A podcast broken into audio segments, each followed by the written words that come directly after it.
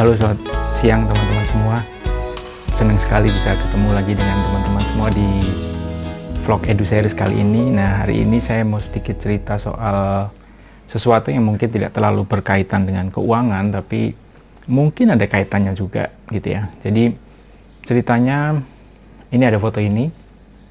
Ini adalah foto yang saya ambil uh, beberapa waktu yang lalu bersama istri saya di perpustakaan IPB ini tempat yang sangat bersejarah buat saya pribadi di mana 30 tahun yang lalu uh, saya hampir setiap hari ada di tempat ini. Kenapa? Karena saya tinggal di tempat kos yang kamarnya itu menghadap ke timur dan kamar itu kecil.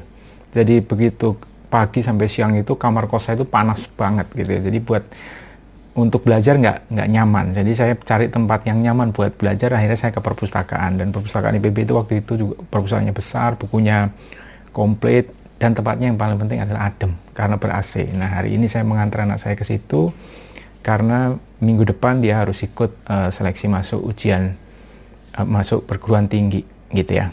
Nah anak saya ini anak kedua saya ini uh, uh, secara uh, akademik cukup bagus dia ranking satu paralel di sekolahnya tapi kemarin waktu ikut uh, jalur tanpa tes dia belum diterima karena ada perubahan kebijakan dari pemerintah di mana yang diutamakan adalah uh, lulusan yang kurang mampu secara ekonomi. Artinya kami tidak bisa melawan kebijakan itu itu adalah sesuatu yang kita nggak bisa kontrol. Maka kita mem memberitahu dia supaya ya sudah ikut tes gitu kan. Nggak ada masalah dengan itu gitu ya. Artinya dia harus uh, belajar untuk menghadapi tes itu. Nah dalam hidup kan kadang-kadang memang ada hal-hal yang seperti itu ya yang tadi uncontrollable. Hal lain misalnya kayak sekarang kita begitu dia ikut tes dia uh, apa namanya dia searching berbagai macam jalur. Kalau zaman saya dulu tidak ada jalur mandiri jadi hanya tes dan non tes dan kebetulan karena persaingan waktu itu juga nggak terlalu berat di mana saya bisa masuk jalur non tes karena rapot saya bagus. Ternyata kalau zaman sekarang rapot bagus saja tidak jaminan gitu ya. Jadi saya masuk IBB tahun 1989 itu uang SPP saya hanya 125.000 per semester sampai dengan saya lulus gitu ya. Luar biasa banget gitu. Kalau dibandingin sekarang anak saya yang pertama itu sudah semester 6 itu sekarang uang kuliahnya hampir 7 juta. Jadi barangkali kalau sekarang antara 6 sampai 8 juta. Jadi beda banget selisihnya. Nah itu karena inflasi. Nah inflasi juga sesuatu yang kita nggak bisa kontrol. Kita nggak bisa lakukan sesuatu karena ada inflasi itu belum lagi kita bicara kalau misalnya masuk jalur mandiri sekarang biayanya antara 25 sampai ada yang bilang seratusan juta gitu ya. Itu juga sesuatu yang kita nggak bisa kontrol karena itu policy dari masing-masing perguruan tinggi gitu ya. Kita harusnya bisa menyesuaikan. Kita nanti belum bicara biaya hidup. Sebagai gambaran anak saya kos itu sekitar 3 jutaan satu bulan dan untuk dia kos itu karena dia perempuan dia harus punya kamar sendiri dengan kamar mandi sendiri itu uang kosnya sekitar satu juta satu bulan. Jadi lumayan oke okay, gitu. Dan itu sesuatu yang kita nggak bisa kontrol karena memang situasinya seperti itu. Nah saya hari ini mau sharing kepada teman-teman uh, satu pemahaman mengenai hal yang bisa kontak, kita kontrol dan hal yang tidak bisa dikontrol. Kenapa? Karena saya banyak membaca teman-teman yang protes gitu ya dengan kebijakan pemerintah dengan uang kuliah yang juga semakin mahal dan lain-lain dan lain-lain saya kira kita kembali lagi, lagi bahwa ada hal yang kita bisa kontrol, ada hal yang kita tidak bisa kontrol.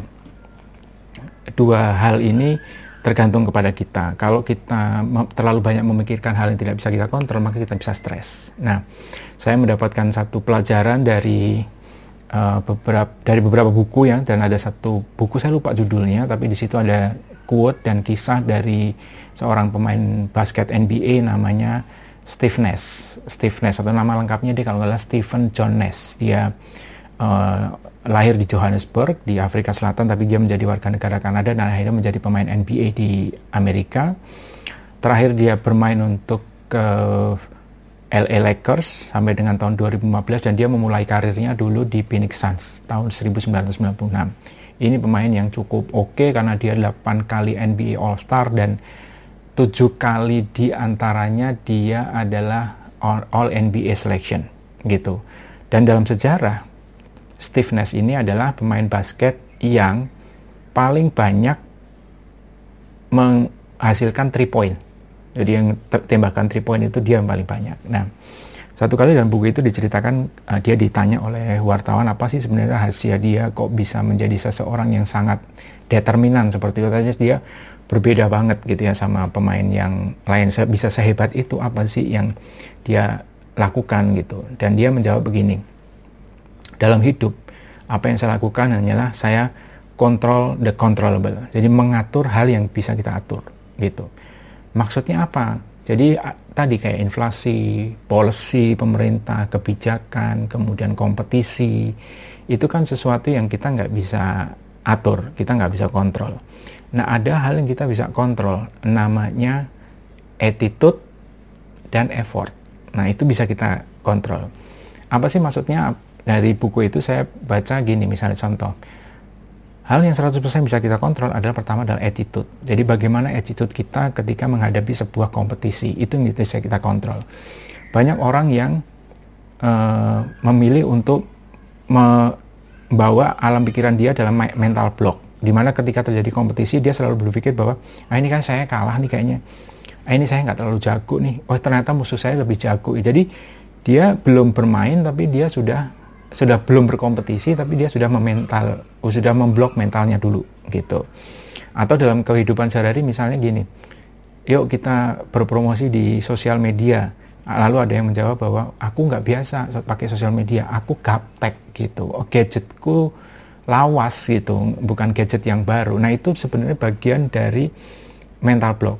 Itu berkaitan dengan attitude. Nah padahal kalau attitude itu sesuatu yang 100% bisa kita kontrol gitu. Nah, juga kalau kita kaitkan dengan uh, perencanaan keuangan.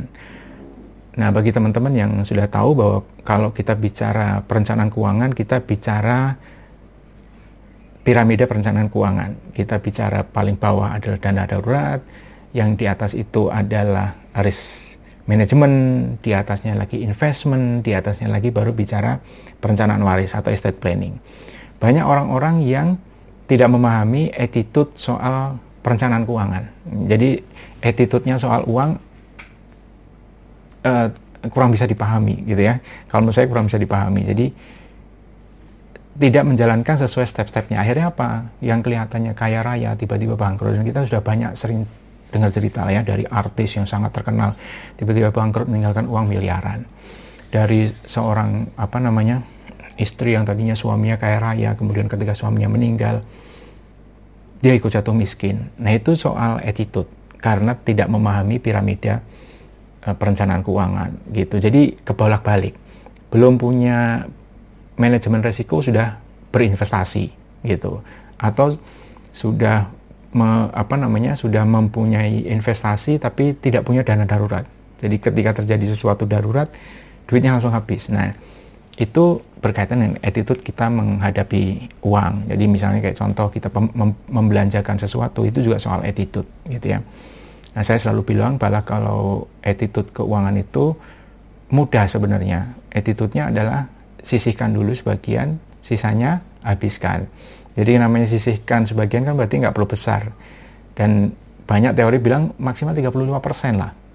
Jadi 65 persennya itu habiskan, dinikmatin gitu buat beli apalah barang-barang konsumtif lah rumah lah mobil lah itu dari yang 65% tapi yang 35% itu disisihkan itu attitude gitu nah kebanyakan kita masih belum melakukan itu kita merasa bahwa uh, kalau saya nggak tampil maksimal dengan tas atau dengan kalau bapak-bapak saya lihat kalau mobilnya velgnya belum pakai velg yang branded itu belum maksimal nah itu attitude itu sesuatu yang seharusnya kita bisa kendalikan gitu. Nah itu nomor satu. Kemudian kalau kita bicara nomor dua, hal yang 100% bisa kita kontrol adalah effort.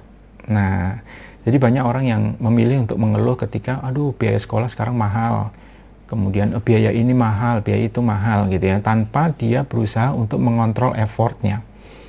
Kita percaya bahwa rezeki itu datang dari Tuhan sudah diatur gitu ya tapi rezeki bisa datang kepada kita kalau kita ada effort. Nah, effort itu yang kita bisa atur. Jadi ada orang yang sedemikian susahnya tapi kalau ditawarin yuk kita berbisnis ini misalnya. Ya contohnya kalau di di dunia saya adalah uh, dunia uh, perencanaan keuangan, di asuransi jiwa.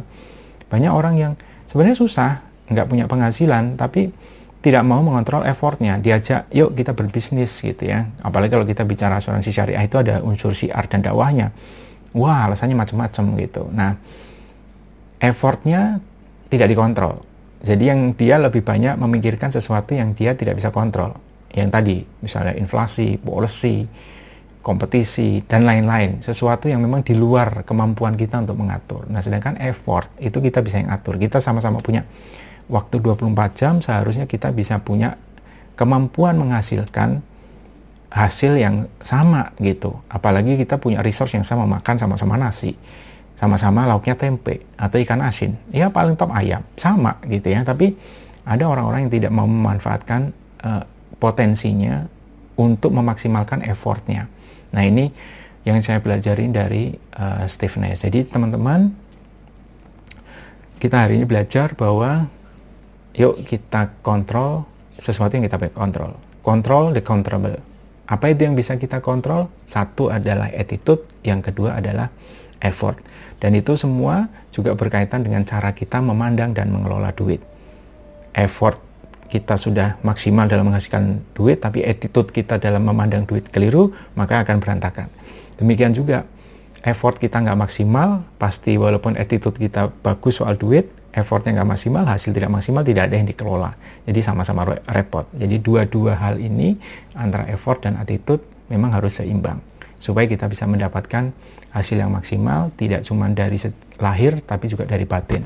Kita menjadi lebih plong hidup kita, kita menjadi lebih bahagia mungkin, lebih awet muda gitu kan. Karena kita selalu berusaha mengontrol apa yang kita bisa kontrol. Oke teman-teman, saya kira itu yang saya bisa share pada siang hari ini. Semoga teman-teman bisa mendapatkan manfaat dari cerita dari uh, Steve Ness tadi. Control the controllable. Sampai jumpa kembali. Salam sukses untuk kita semua. Jangan lupa like, share, dan subscribe.